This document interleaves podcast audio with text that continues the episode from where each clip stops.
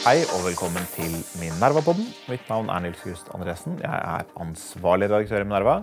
Og med meg i dag så har jeg deg, Fawad Ashraf. Eh, veldig hyggelig at du er her. Nesten alltid på dette tidspunktet i sendingen så sier jeg velkommen til deg, Aksel Fridstrøm, vår nyhetsredaktør. Og så begynner vi å snakke om eh, korona. Men det skal vi ikke gjøre i dag. Ikke i dag. Ikke i det hele tatt. Du har eh, skrevet en kronikk. Du er, du er debattredaktør i Avisa Oslo. Eh, du har fortid fra Aftenposten, VG og NRK. Eh, og du har skrevet en kronikk om å føle seg norsk, eller ikke å føle seg norsk. Og kanskje ikke lenger gidde å trenge å, å kjempe for å måtte føle seg norsk. Og det er det vi skal snakke om i dag. Ja. Fortell hva du har skrevet, og hva, hva dere har gjort i Avisa Oslo med denne kronikkserien, og hva det er du vil si. ja. Altså, debatten vi har satt i gang nå, er eh, for å eh, Jeg sier å åpne det norske rommet. Åpne opp litt for hva vi snakker og oftest definerer som eh, norsk identitet, og hvordan vi kan se litt større på det. Eh, jeg satte det i gang ved å skrive en kommentar som heter 'Norsk nok for de svina'. Og spørsmålet jeg stiller der, er hvor lenge skal du prøve å jage eller forsøke å tilfredsstille enten din foreldres kultur eller majoritetskulturen. Eh, for i, det så kan mange eh, stå i en skvis. Eh, og hensikten mm, var denne gangen å få høre fra et mangfold av mennesker som har på en eller annen måte en tokulturell, flerkulturell bakgrunn, for å høre deres versjoner, for å få frem at det er et hav av ulike opplevelser som fører til ulike konklusjoner eh, i dette spørsmålet. For, for å ta din konklusjon, eh, eller din foreløpige konklusjon i, i kronikken, Fahad. Um, du, du konkluderer på en måte med at du har, du har gjort så mye for uh, å føle deg norsk, og på en måte for å tilfredsstille oss og kalle, kalle de forventningene til, til dem som har syn på hva det vil si å være norsk. Eh, og, og lykkes veldig godt ikke sant, i, det, i det norske samfunnet. Eh, for, det, for det beste man kan være i det norske samfunnet, er jo redaktør, tross alt. Eh, så, så du har lykkes veldig godt. Og så er det liksom aldri Eller det er en opplevelse at det aldri er nok. Og, du, og din konklusjonen din er jo på en måte litt hva skal man si, litt trist, hvis det er lov å si det. Ikke sant? At du sier at du gidder ikke lenger å, å måtte føle deg norsk. Det er ikke så nøye akkurat hva du er. eh, og du har sagt at du, du begynner å presentere deg som Istedenfor å si at du er eh, er, er norsk og jobber for en avis, så sier du at du jobber for en norsk avis. For når du er i, er i utlandet. Flytte litt på ordene, så Ja, har du flytte litt på ordene, så ingen liksom kan ha noen forventninger til deg eller stille spørsmål eller krav eller, eller noe sånt. Um, Men eh, jeg postet jo denne kronikken på, Facebook. og så en interessant eh, kronikk som, er til ettertanke. Som jeg, mener at den er, Og at det er noen ting man kan diskutere um, med den og mot den i. Eh, og det skaper mine, Jeg har mange litt konservative lesere på min Facebook-vegg, og det var en del som reagerte på, på punkter. Jeg tenkte, noe av det som jeg tenkte vi kan diskutere. For du skriver liksom, Noen av de tingene som gjør det vanskelig å føle seg norsk, er jo ikke bare at folk har forventninger, men at, at folk hele tiden kommer med stikk. eh, som gjør at det er vanskelig å føle seg norsk. Det kan være alt fra eh, passkontroll på Gardermoen til, uh, til, til kommentarer og spørsmål om uh, om man egentlig er norsk nok, da, hva, hva det vil si, og at det er en økende opplevelse av hat. Så jeg på et punkt, og det, og, og det er sånn, er interessant å snakke litt om noen av disse, noen av disse tingene. For det er jo sånn altså det, det er på en måte to spørsmål her. Det ene er eh, Går utviklingen liksom, egentlig i feil vei? Er det mer hat også nå enn det var før? Og med det mener jeg ikke å bagatellisere liksom, hvordan det er i dag, men det, liksom at det var ille før også. også. Vi hadde jo liksom debatten etter, etter eh, 11. september, eh, karikaturstriden, eh, borgerkrigen i Syria, som skapte mange betente debatter. Um, så liksom, kan du si litt om opplevelsen at det går gal vei? Og, og i kjølvannet av det så er det sånn, sånn Hva er egentlig realistisk? Altså, Altså Alle disse eksemplene du nevner, eh, karikaturene, eh, 11. september eh, Også eh, da vestlige ungdom dro til Syria for å delta i krig. Disse tre og flere andre eh, hendelser har eh, selvfølgelig vært definerende. Fått meg til å tenke på eh, hvor, hvor er din eh, Hvor står du i samfunnet?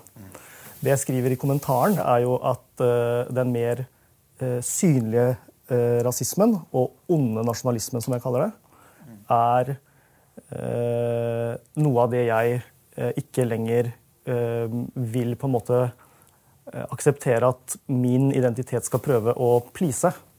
Så, så om det er trist at jeg på en måte frasier meg å være norsk Jeg syns ikke det.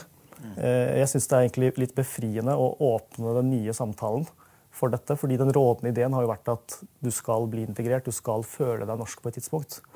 Eh, Men det er et ideal som er veldig vanskelig å øh, øh, oppnå. Altså, det, det er ideal som er vanskelig på mange måter. Liksom. Fordi det er vanskelig av minst tre grunner. Du, du nevnte så vidt liksom, forventningen til foreldregenerasjonen. Så det er jo en utfordring. Man kan bli for norsk i noens øyne. Ikke bare foreldre, men også andre minoritetsnordmenn. Uh, og så kan det være en uh, opplevelse at mange i storsamfunnet sier du er ikke norsk eller du kan aldri bli norsk. Ja. Det skal vi komme litt tilbake til, for det, Man kan legge veldig ulike ting i ordet norsk også. Uh, men jeg tenker, jeg tenker at det er trist fordi fordi Norge er blitt et flerkulturelt samfunn. Vi har en ganske stor innvandrerbefolkning. Nærmer seg 20% av befolkningen som har, har minoritetsbakgrunn eller foreldre fra, fra andre land. Mange ulike land, ulike kontekster, men allikevel. Eh, og det kommer til å øke også fremover. Um, og hvis en stor andel av, de menneskene eh, ikke føler seg norske, så har måte så, så har statsbyggings-, nasjonsbyggingsprosjektet vårt en veldig stor utfordring. Altså for den enkelte kan det, kan det sikkert være, være befriende, men, men for, for nasjonsbyggingsprosjektet er det vanskelig. Men jeg tenkte å si litt om hva, er det vi da legger i norsk. Tror Et problem i den norske debatten er at norsk betyr helt forskjellige ting. Jeg pleier å sammenligne med, med USA, hvor du har ordet 'American'. Det refererer til, til staten, det refererer til en identitet, og, og for noen kanskje også en, en gryende etnisitet, som er, som er relativt ung. Eh, Men folk går rundt med andre måte, primæretnisiteter. Også det som måte, historisk var den, den statsbærende etnisiteten. Da, så het, het ikke den på en American, den het White Anglo-Saxon Protestant. Uh, Eller kunne i hvert fall hete det også. Da ville folk vite hva du refererte til. Uh, Og du kunne komme til USA som, som pakistansk innvandrer eller som uh, norsk innvandrer, og du kunne bli American, men du kunne ikke uten videre bli WASP. Sikkert lettere for en nordmann som tross alt var, var hvit og protestant. eh, Hadde på en måte færre eh, broer å, å krysse. Men, men WASP var en identitet og knyttet til avstamning fra eh, britiske øyne og, en, en spesiell historie i USA. Langvarig historie i USA. Eh, og, det mangler vi litt i Norge. ikke sant? Fordi Norsk refererer til, til staten, men det refererer også til en etnisitet som på en måte ikke er helt åpen. Eh, ikke sant? Og i, den forstand kan man på en måte si at det er ikke lett for, for, for, for deg eller for noen andre å bli etnisk norsk eh, i løpet av en generasjon. Barnebarn og sånn, så, så kan det jo bli etnisk norske. man gifter seg på tvers. Og, og, den etnisiteten kommer til å endre betydning over tid, antagelig, etter hvert som samfunnet endrer seg. Men, men det er liksom ikke noe som skjer over natten. Mens denne stats- og no, større nasjonsidentiteten, den vil vi jo veldig gjerne at, eller jeg, vil jeg veldig gjerne at, at vi, vi må, må skape sammen. da, Ja. Kan, kan du si noe om det? Du, det, tenker du på noe på de ulike betydningene av ordet norsk? når du... Jeg tenker at Det er en million måter å være norsk på.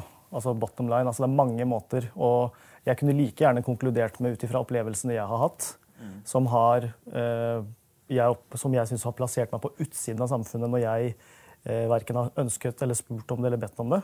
Men de hendelsene påvirker deg jo. Men en million måter å være norsk på. Jeg kunne like gjerne landet på at jeg er norsk, og jeg er norsk på min måte. Men eh, eksempelet USA, da. Eh, helt riktig. I hvert fall i eh, byene, i urbane områder. ja. Så kan du helt fint eh, Du kan være American og Italian. Du kan være American og Jewish. Du kan være American og Altså, finn det som passer deg. Så lurer jeg på, kan vi begynne å tenke litt sånn i Norge også? Ja. Fordi da jeg bodde i London, det var jo da disse tankene liksom skjøt fart. Jeg begynte å se rundt meg at det er en smeltedigel av et samfunn. Altså bevares. Dette var under brexit. Jeg jobbet der som korrespondent. Og eh, var også forberedt på at eh, her eh, er det ikke så Jeg går aldri rundt og leter etter eh, situasjoner som kan oppfattes av meg som rasistiske. Men eh, i Storbritannia, i London, så merket jeg at dette her var bare det var litt sånn Det er tilbakelagt, da. Du kan være forskjellige ting på en gang uten at det er et problem.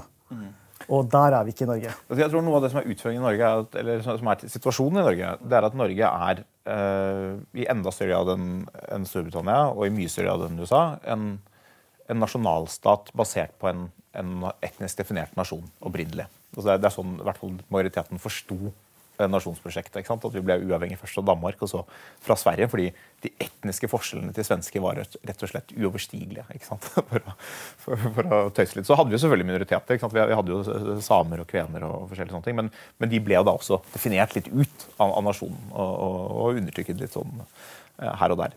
Så, så, Norge var en etnisk definert nasjon. Og utfordringen er at eh, hvis, eh, hvis det ikke er det som er statsbærende, på en måte, så må det være noe annet som er statsbærende. Og, og, det er ikke noe som bare enkelt kan skapes. altså Det er ikke sånn at en nasjon bare henger sammen av seg selv. Man må finne hva det er som gjør at, at man føler en samhørighet som folk. da. Ja. Og I USA så er jo det, den historiske konteksten bare helt annerledes, fordi det er et, et innvandringssamfunn uh, som hele tiden har vært en smeltedigel i noen grad. Og så ble det selvfølgelig uh, kom det liksom mange nye omdreininger på 1800-tallet med mer forskjellige typer innvandrere. Og, uh, og, sånn. og det var jo også masse konflikter ikke sant? og masse hat mot først katolikker og så kinesere. og, og Antisemittisme og liksom mange, mange, ting. Men, men uh, det var lettere å inkorporere det i fortellingen om nasjonen. Uh, og det er det ikke ennå i Norge. Det kan det jo jeg tenker at det kan det jo i og for seg med den innholdsvekten vi har hatt, så kan det jo bli det om noen generasjoner. Men, men, det vil jo ta tid, og det vil være annerledes fordi nasjonen har en veldig lang historie hvor den er basert på en norsk identitet. Så derfor er det eh, det, det å liksom utvikle en, en, forståelse av den norske identiteten. At, at, det er ikke bare en smeltedigel som like gjerne kunne vært London. Mm. Uh, eller i hvert fall ikke gitt. Men, men, men jeg tror vi kommer til altså jeg, jeg, mener jo altså Poenget med å, å, ta opp denne diskusjonen er fordi jeg mener at vi eh, må erkjenne altså Teoretisk kan vi sitte og snakke om hva som skal være norsk, og hva skal være identiteten vår, at vi er en nasjonalstat. Alt det er greit men hvordan, lev, hvordan leve sitt liv. Hvordan, hva skjer i, i, møter mellom mennesker i den virkelige verden? Og da vil du finne 100 forskjellige svar. Så hensikten er jo å øh, øh, erkjenne at kanskje noen av disse eh, ideene vil tvinge seg frem øh, om 10-20-30 år i Norge. Kanskje i byene, kanskje ikke i rurale områder, men i Oslo, i Bergen, der hvor det bor folk med mange forskjellige etnisiteter så vil det eh, være noe jeg tror vi vil snakke mer om framover enn vi gjør i dag. Men bare et spørsmål om, eh, om disse opplevelsene fra, fra London. Har, nå har jeg ikke den samme minoritetsbakgrunnen, men jeg har jo bodd i, bodd i London og i, og i, New York. Og, um, og kjenner både igjen litt av erfaringen uh, selv kan du si, som, som en hvit tilflytter dit.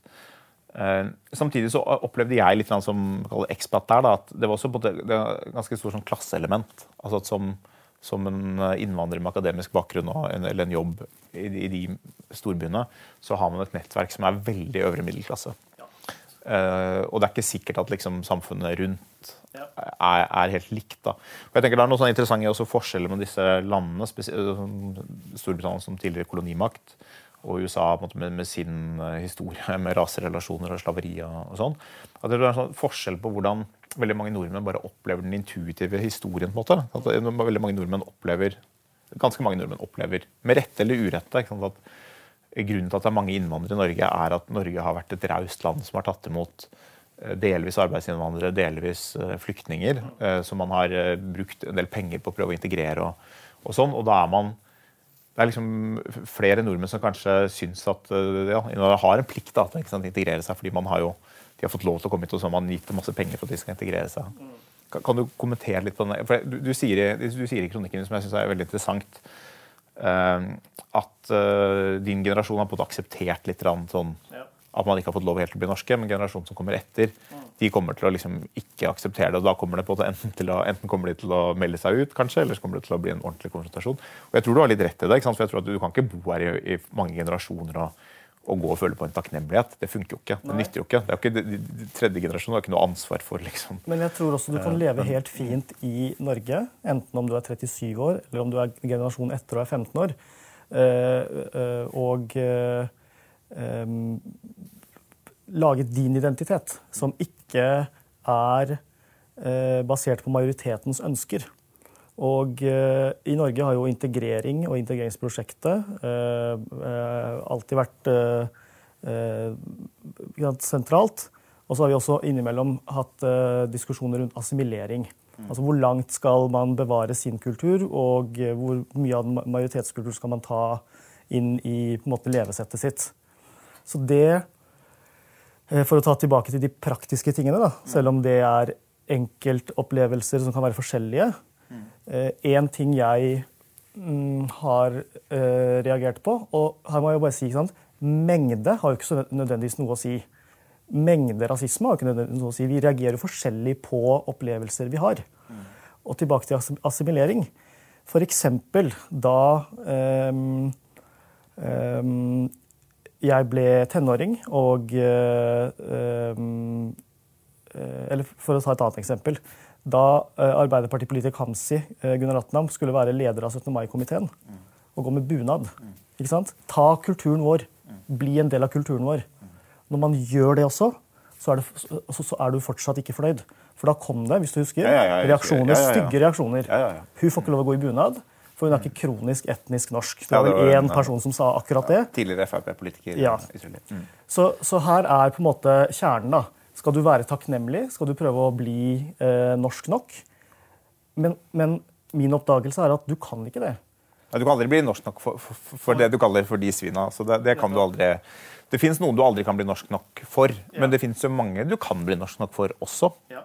Det, og, og um, I dag så trykte det, var det var vel i dag, jeg trykte en kronikk av Hadia Tajik ja. som skriver om litt de samme, samme opplevelsen. Jeg, jeg, kan jo si det også, jeg har jo snakket med mange av mine venner med minoritetsbakgrunn. Jeg tror nesten, det, det som gjør det interessant, er at nesten alle kjenner seg igjen i de tingene du skriver om din kronikk. Altså denne, denne opplevelsen av at uh, og, og, spesielt kan du kanskje si, spesielt godt integrerte innvandrere altså, og, og, minoriteter og, som har lykkes veldig godt i det norske samfunnet. For, og jeg sier spesielt dem fordi det er kanskje mange av dem som føler at de virkelig har gjort alt de kan.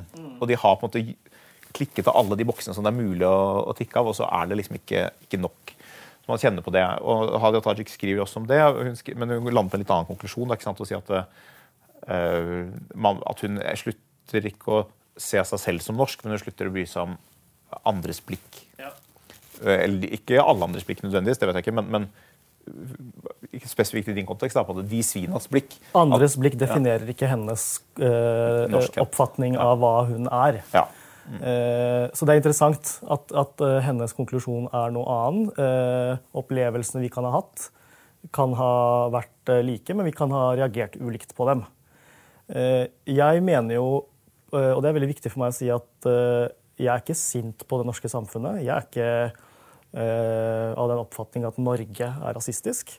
Eller at dette her er en protest mot det norske samfunnet. For, for meg, det er noen som leser kronikken. Noen leser den jo sånn, men for meg er det rett og slett aller viktigste er å, Og det høres litt New Age ut, men la oss bruke det, oss bruke det et lite øyeblikk. fordi det det handler om, er jo at eh, du skal frigjøre deg fra andres forventninger. Og heller velge selv. For meg er jo mitt, min konklusjon om å ikke ha behov for å være personlig norsk lenger, eller kalle meg det, eh, er å skru av den støyen som jeg opplever. At folk hele tiden skal mene noe om hva jeg skal stå for og være for. Og det er ikke bare mot eh, det norske samfunnet. Det er like mye mot, i mitt tilfelle, det pakistanske. Hvor jeg også har fått et sett med forventninger. Ingen har spurt meg noensinne. Og Det høres kanskje litt banalt ut, men ingen har spurt meg noensinne hvem har du lyst til å være. Og Det tror jeg er gjenkjennelig for en del med flerkulturell bakgrunn. Fordi du får eh, kanskje hjemme høre du er pakistaner og du er muslim. Vær så god, gå ut og gjør det du skal. Men ha det i bakhodet. Og så kommer du ut på skolen i det norske samfunnet, og så får du bare, hvis du prøver å snakke høyt om disse tingene, så blir du ofte avbrutt av folk som sier men du er jo norsk. Du er jo norsk. Eh, og det er nobelt. Det er uh, gode hensikter. Uh, det er inkluderende. Men det er ikke nødvendigvis et svar på den indre konflikten du har. Mm. Vi får ta litt om den indre konflikten, for Det er jo det er på et kjent tema som har vært tematisert i forskning og psykologi og sånn, i hvert fall i 100 år. I, nettopp i kjølvannet av de store innvandringsbølgene til USA rundt forrige århundreskifte.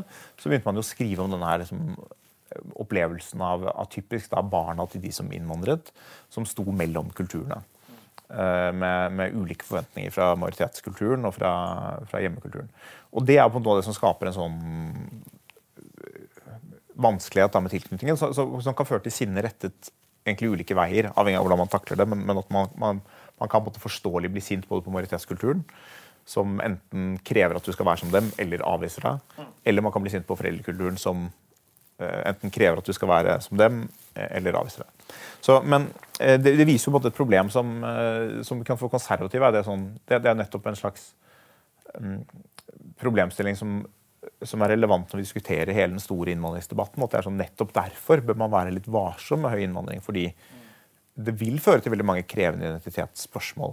Og du tar på dette spørsmålet sant, med assimilering, eh, integrering Hvordan kan man være norsk på, på sin måte? og det, det, er mange måter å være norsk på, men det er jo mange av de integreringsdebattene vi har hatt som, som jeg tror vi, de fleste av oss er enige om at måte, i en viss forstand også er nødvendige. ikke sant? At det er det har vært mange smertefulle samtaler om islam i Norge, og langt fra alle har vært like gode. Men det har ikke vært sånn at det liksom ikke har vært noe grunnlag for å ta dem heller. Det, det, jo, det fins relevante spørsmål der som, som det å bli tatt som alvor, Hvis du skal bli tatt på alvor som, som norsk, så må man integreres også i uh, den, den, kritikken av det folk mener er uakseptabelt. Um, selv om det kan føles fremmedgjørende for, for, folk at det hele tiden diskuteres. Uh, men det er jo sånn, du nevnte Syria-konflikten. Vi hadde jo eh, både etniske nordmenn og, og etniske minoriteter som, som, dro til Syria. Men det var jo en del av, det var en debatt som måtte føres om islam i Norge.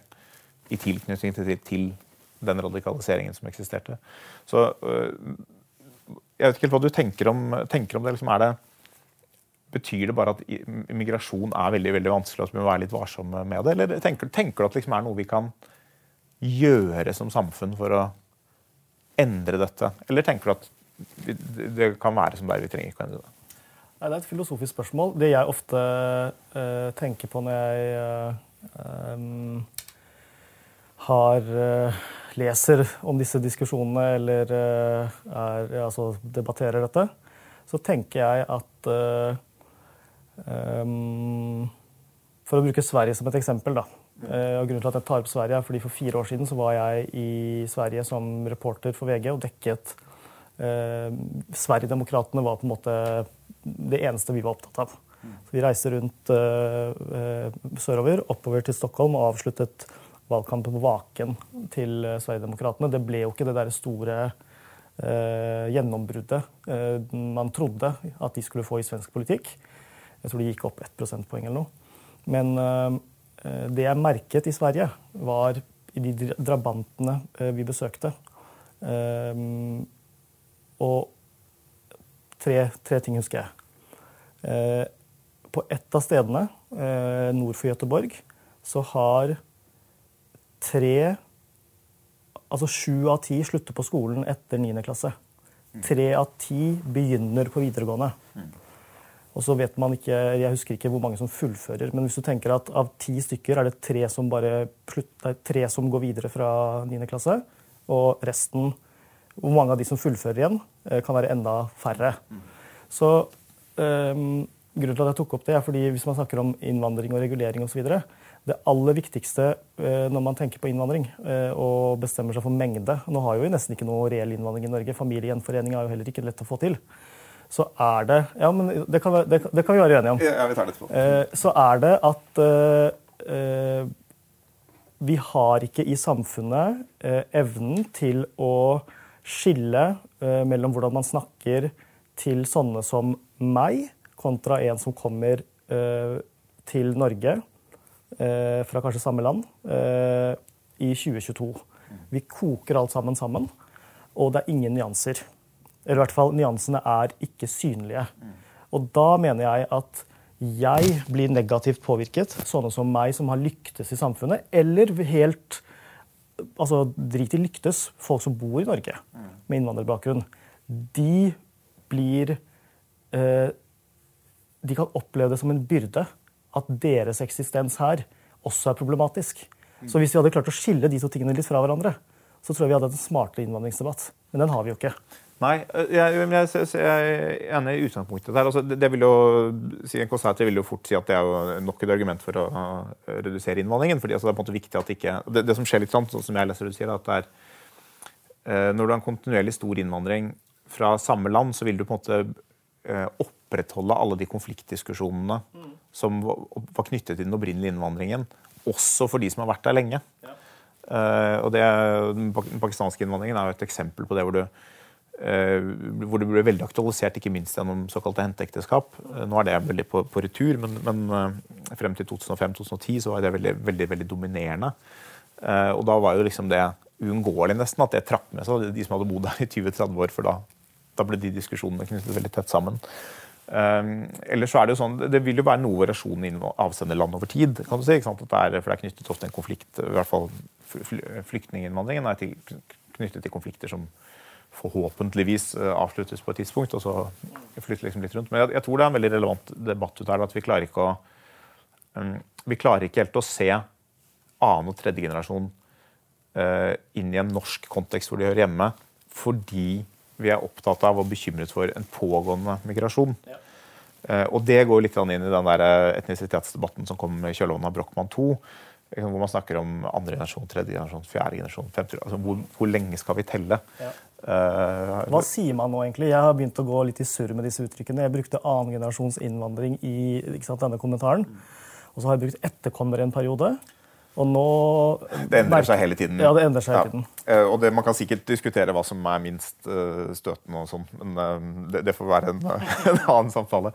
Men, men, men det, det, ligger noe relevant der. ikke sant? Jeg tror man, En annen måte å si det på at man, stedet, man sier førstegenerasjons nordmann istedenfor annengenerasjons innvandrer. som har vært en, sånn, en, type debatt som synliggjør en tilhørighet. Men, men, men, det henger jo litt sammen med hvordan integreringen går. ikke sant? Og det, det som har vært en diskusjon når det gjelder for den pakistanske minoriteten i Norge at det høy, har vært en veldig, veldig høy grad av såkalt endogamitet, altså at man gifter seg med hverandre. Og Det er jo utgangspunktet naturlig, det trenger ikke å være noe problematisk heller. Men det er klart hvis all, og det har vært 95% eller noe sånt har vært, vært tallet. og hvis det, hvis det vedvarer veldig lang tid, så vil det jo selv etter tre-fire generasjoner så vil de fleste bare ha forfedre fra, som opprinnelig kommer fra Pakistan. Og, eh, og det vil jo på en måte være et tegn på da, at den, den minoriteten eh, også opplever seg som en veldig distinkt gruppe eh, på siden av, av majoritetssamfunnet. Fordi man, eh, det er sterke barrierer mot å, mot å skille, krysse da, i hvert fall ekteskapssammenheng.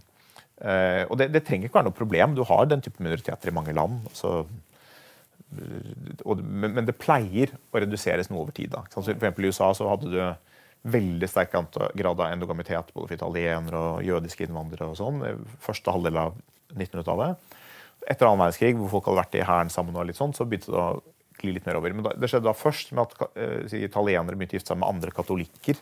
Irer og polakker. Og etter hvert, kanskje liksom i dag, begynner det, ja, begynner det å bli mindre viktig, om man gifter seg med mer genuint på tvers. Jeg tror Den jødiske minoriteten var også endogamitetesraten godt over 90% frem til 1960, og så har det begynt å, å gli ned. da. Uh, jeg, det er sånn som er vanskelig å snakke om fordi det kan bli veldig sårt for folk. ikke sant? Og det er et stort og filosofisk spørsmål også, man skal, hvis man har som mål å forandre på det tallet. Ja, ja det, er, det, er, kjempeproblematisk. og det kan jo si For, den, for små minoriteter, som den jødiske minoriteten i Norge, så kan det oppleves som en eksistensiell trussel. Uh, nesten, Hvis man liksom blir uh, skal slutte å eksistere som gruppe. Men, men, det er et veldig interessant spørsmål, fordi det sier mye om det, det, sier noe om da, hva som skjer med integreringen. Og igjen, Det trenger ikke være problematisk, men det kan bli problematisk hvis uh, den type etnisk definerte grupper eh, sammenfaller med andre typer konflikter i samfunnet. Altså Hvis det er religiøse, kulturelle, økonomiske eh, utfordringer, så kan det være Jeg tenker at Det er to ting her som er viktige. da. Altså, uten at, altså, Jeg er ikke politiker, glad for å ikke være det. Men på et tidspunkt for noen år siden så husker jeg det var et forslag, jeg husker ikke hvem som fremmet det, det var vel den forrige regjeringen, Eh, et tak på hvor mange med innvandrerbakgrunn som kan bo i visse områder eh, i Oslo. Eh, eller, altså Danmark har jo innført dette. Ja, Det var vel ikke akkurat sånn, men det var noe med bosetning, hvordan bosetting skulle skje. Ja, ja. Men at, man skal ikke ha altså, den danske debatten om getto. Mm. Og at man ikke skal ha for mange med samme etnisitet i samme område. Mm. Tilbake til Sverige-eksempelet jeg snakket om. Det var jo et, et, en av grunnene til at det har blitt et uh, uh, um, den type områder som du skriver? Ja, at det er et problem er jo fordi eh, når det sammenfaller med eh, arbeidsledighet, eh, ingen utdannelse og andre sosiale problemer, så har du en underklasse som eh, Etnifisert underklasse. Ja, og det det fører til, er jo ringvirkninger i samfunnet der etter hvert så blir butikkeiere i området eh, ikke interessert lenger i å være der. Det er altså faktiske ting som har skjedd i Sverige. Så banken flytter ut, klesbutikken eh, flytter ut, og ingen nye fyller lokalene. Så, så jeg mener f.eks. at i eh, altså, Vellykket integrering handler også om å ta litt tøffe valg med hvor folk skal få lov å bo. Og det andre er jo at eh, Det har vi gjort i Norge. altså Folk må til slutt få bo hvor de vil, men når det gjelder bosetting av nyankomne flyktninger, så har vi jo Norge spredt ut, mens i Sverige har de ikke gjort det.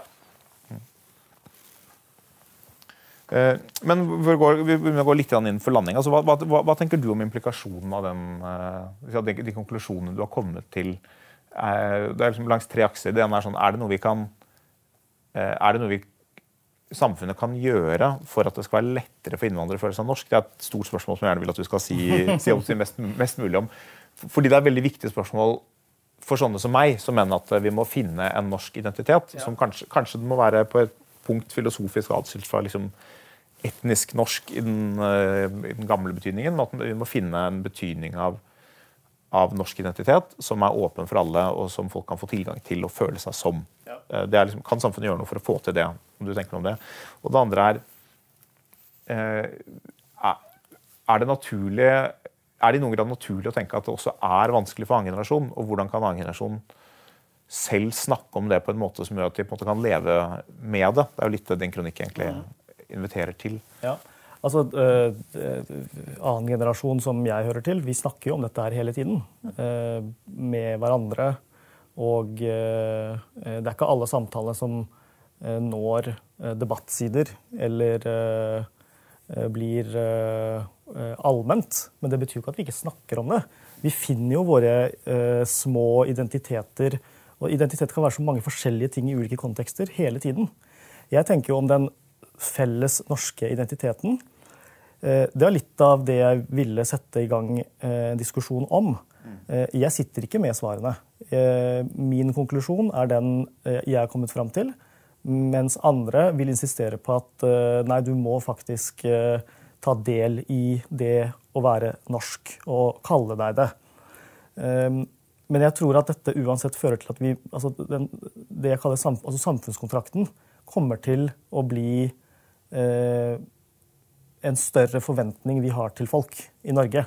Den er jo ikke liten allerede. Den er jo sant, det mest grunnleggende du kan gjøre i samfunnet. Betale skatt, jobbe, lære deg språket, eh, ikke bryte loven. Og så vil jeg legge til en ting til, og det er å være eh, en, en, god medborger i lokalsamfunnet ditt. Den syns jeg er viktig, fordi eh, da har man en Da er du del av et samfunn. Eh, og, det, og et lokalsamfunn er viktigere enn å være del av en felles norsk identitet. Fordi hvor, hvor viktig, hvis man skal eh, avslutte med det, hvor viktig er egentlig disse spørsmålene i det daglige? Kan det tenke seg at det ville vært smartere om vi snakket mindre om dette? Det, det, kan hende. Nå er det du som er da. Nei, men, jo, men altså, dette er jo en av, jeg, jeg, er for så vidt ikke innom det. og 3500 eh, tegn er ikke det Man får ikke sagt alt på 3500 tegn. Men kan det tenke seg at vi er litt for besatt av å prøve å besvare disse spørsmålene? Noe av grunnen til at jeg har meldt meg ut av det, er jo nettopp fordi jeg har funnet ut at det går ikke an å please. Mm. Altså, jeg, tror, jeg tror at det er, det er mange paradokser her i denne debatten. fordi det er veldig typisk sånn at jo mer man snakker om et tema, jo vanskeligere vil det i en viss forstand være å, å bilegge det. Eh, så, så, sånn, jo mer man snakker om islam i Norge, jo, jo viktigere blir på en måte islamsk identitet for, eh, for norske muslimer. Og, og, jo vanskeligere kan det kanskje være å bygge broer og sånn. På den annen side så er det deler av de samtalene som er helt uunngåelige og nødvendige. Altså, noen ganger er de, er de, veldig viktige, og andre ganger er de, er de mer nettopp uunngåelige. Altså at det, ikke, det fins ikke noen måte å hindre at de samtalene vil oppstå på. Eh, men jeg, jeg, tenkte på, også på en annen ting eh, med, med det å føle seg, seg norsk. Du, du, nevnte mange viktige ting. Altså bare oppføre seg som en god medborger, som er, er, veldig sentralt. Men den sammenhengen med USA igjen, så er det en ting som jeg har merket meg der, som, som er sånn retorisk greie, som er ganske interessant. Som jeg lurer på hvordan du tenker om. Eh, og det er jeg tror en tale av Michael Bloomberg da, den gangen han var mayor i New York. Hvor han hadde holdt en tale hvor han snakket om 'Our Founding Fathers'. Eh, som jo er et kjempeviktig begrep i, USA, selvfølgelig. Grunnloven og selvstendighet fra England og sånn. Eh, men som jo ikke er hans si, blodslinje og biologiske fathers. Fordi han, han har fire besteforeldre som kom fra, fra som jødiske innvandrere fra Russland eh, på slutten av 1800-tallet. Så vidt, vidt jeg har sjekket ut. Men jeg opplever at det er en sånn litt vanlig ting i USA. i for seg, at man, at man mytologiserer nasjonen i noen grad. Mm. og at det er noe som binder sammen. Det vil si, hvis du skal ha en tilsvarende tanke om Norge, da, at, at, du også vil se liksom, Eidsvolls mennene som, som dine forfedre i en sånn politisk-mytologisk forstand. Da. Er det, Skjønner du spørsmålet? Jeg skjønner spørsmålet, og jeg er åpen for å snakke om det. Eh, det jeg sånn umiddelbart lurer på, er jo altså, Ja, Norge har eh, sant, historien vår med eh, union med Danmark, og så eh, 1905. Eh, siden da har Norge vært selvstendig. Eidsvoll er eh, der Grunnloven ble skrevet. Men for å kaste spørsmål tilbake, hvor viktig er det i den daglige samtalen og i møtene mellom folk at den skal være vår Nei, altså jeg, tror, jeg, tror, I de daglige samtalene så tror jeg ikke det er riktig. Mm. Uh, i, daglig, I de daglige samtalene er det på en måte mye som ikke egentlig er så viktig. Men, ja. uh, men uh, i det store bildet så er det et eller annet som er viktig likevel. fordi ellers ville ikke disse diskusjonene eksistert. Og jeg tror Grunnen til at jeg tar det opp, er hvis man skal prøve å tenke at det fins en sånn norsk identitet som, gjør, som, binder oss sammen som land, mm. så kan det på en måte ikke binde sammen av sånn helt universelle verdier. Eh, altså, man kan ikke liksom bare si demokrati, eh, rettsstat og, og likestilling, eh, fordi det er det er jo norske verdier. Det er ikke særegent norsk? Nei, det er ikke noe særegent norsk.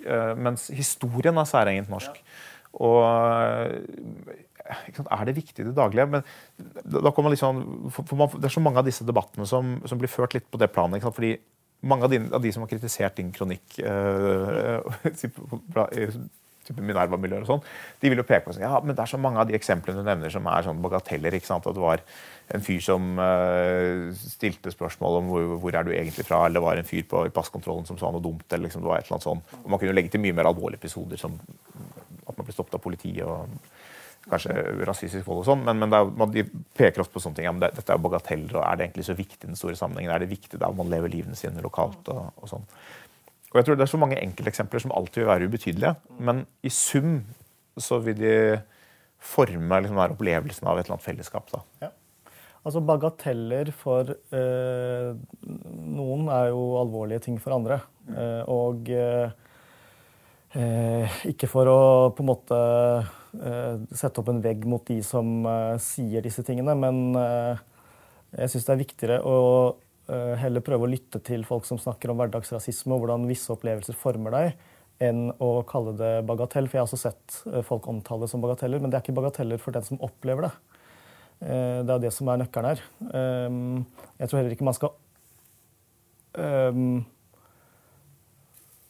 gi det for mye plass heller. Altså, jeg fortalte jo om noen av opplevelsene jeg har hatt som har definert mitt valg, men Eh, jeg er veldig bevisst på at uh, de som uh, har kommet, tatt kontakt etterpå med meg etter at jeg skrev, og vært ufine og rasistiske, jeg gir ikke den plass, da, fordi det er noe med å ikke vektlegge det for mye. Men det andre spørsmålet ditt om sant, en felles norsk identitet og Eidsvoll Når jeg tenker over det, klart norsk historie er viktig. Du skal vite om den norske historien. Eh, når du bor i Norge. Eh, og det leder meg egentlig til eh, en ting jeg har tenkt på som jeg mener er faktisk naturlige Jeg har noen punkter over ting som jeg mener at kan helt fint brukes som den norske, særegne norske identiteten. F.eks. Eh, språket er kjempeviktig det, i samfunnskontrakten. Men altså, den helt spesielle statusen dialekter har i Norge, og at vi forstår hverandre, det er viktig. Jeg mener f.eks. at uh, fellesskolen og at vi lærer de samme tingene og har de samme referansene, er kjempeviktig. Det er vanskeligere i dag enn det var før, med jo, der, mediebildet og alt mulig. Jo, men der har du altså, altså Du har jo allerede en, en, en altså alle, Hvis alle går gjennom den samme trakta der og lærer de samme tingene, så har du jo faktisk prøvd som samfunn å gi folk den samme kunnskapen. Og det er viktig. Og da kan du lære om Eidsvoll, eller du kan lære om kongen, eller hva som helst. Og så tror jeg faktisk kongen. Det er noe som jeg hører igjen og igjen. Folk syns kongen er viktig. Veldig mange med eh, jeg skal ikke eh, kvantifisere det, men folk med innvandrerbakgrunn som kommer til Norge, eh, eller ser hvordan 17. mai er en fest for barn, og at kongen har en samlende status i Norge. Det er viktig. Det mener jeg er en, en identitet som alle kan stå bak. Og så syns jeg f.eks. at uansett om du vil det eller ei, altså vær, vind, det, det er så særegent norsk. Årstidene. At Ja, vi lever natur. Det Naturen. klart det. Ja. Det har vi har vært en tradisjonelt viktig del Ja, av og, norsk disse, selvforståelse. og disse her, de jeg nevner, nå, de er jo mye mer inkluderende. De møter du på i hverdagen din på en eller annen måte uansett. Mer enn at hvis du går på ski, så er du nordmenn, eller, nordmann. Eller hvis du øh, slår opp stormkjøkken og skreller en appelsin i skogen, så er du mer norsk enn den som ikke gjør det. Nei, det har ikke så jævla mye å si. Nei, det er klart. Det, det, det, har ikke mye å si. Nei, men det er, er interessant det du sier med kongen, fordi det er eh, De fleste nordmenn syns kongen er, bra og viktig. Det viser alle undersøkelser. Eh, Nordmenn er glad i kongen. Men de som ikke er glad i kongen, eller mye mindre glad i kongen, det er liksom norske intellektuelle og norske journalister og liksom eh, den eh, urbane eliten. Det er der eh, republikanerne står liksom desidert sterkest. Eh, men, men ikke blant minoritetsnordmenn, som er veldig interessant. Du er et eksempel, men jeg kjenner veldig mange minoritetsnordmenn nettopp som er i det sjiktet hvor hadde de ikke vært minoriteter, så ville de typisk vært liksom, republikanere. Liksom Sveinung Rotevatn-republikanere. som er sånn Det er jo rimelig at noen skal ha posisjoner som går i arv. Og, øh, og det, er jo, ja, ja, det er sikkert sant, men det Ja. funker. Eh, Men jeg tenker at det ene utelukker ikke det andre. da. Du kan jo faktisk ha den diskusjonen, men samtidig erkjenne at kongen er viktig. Bare de facto. Ja, absolutt. Du kan si, for en konservativ som meg, så er det sånn, det, det er på en måte helt forutsigbart at kongen vil ha den funksjonen. Og det er en av de store fordelene ved, eh, ved den ordningen. Men det viser jo på en måte eh, For, for det er, du, du er litt mer praktisk orientert, jeg er litt mer sånn teoretisk orientert. Jeg, mente, jeg mente ikke å si at eh, opplevelser er bagateller, men, det er mer sånn når man setter inn et sånn teoretisk bilde. Eh, men igjen, sånn, for, meg så er kongen Eh, For, meg er kongen en teoretisk, politisk eh, eh, abstraksjon og mytologi. Mens for deg er det en opplevd realitet at kongen faktisk inkluderer. For det gjør han jo faktisk. altså Tenk på denne talen han holdt som, som, eh, som eh, ble veldig hyllet. Selvfølgelig noen som også mislikte den, men hvor han nettopp inkluderte veldig mange forskjellige typer nordmenn. Og han er en, selvfølgelig en helt særegen posisjon til å gjøre det. Ikke sant?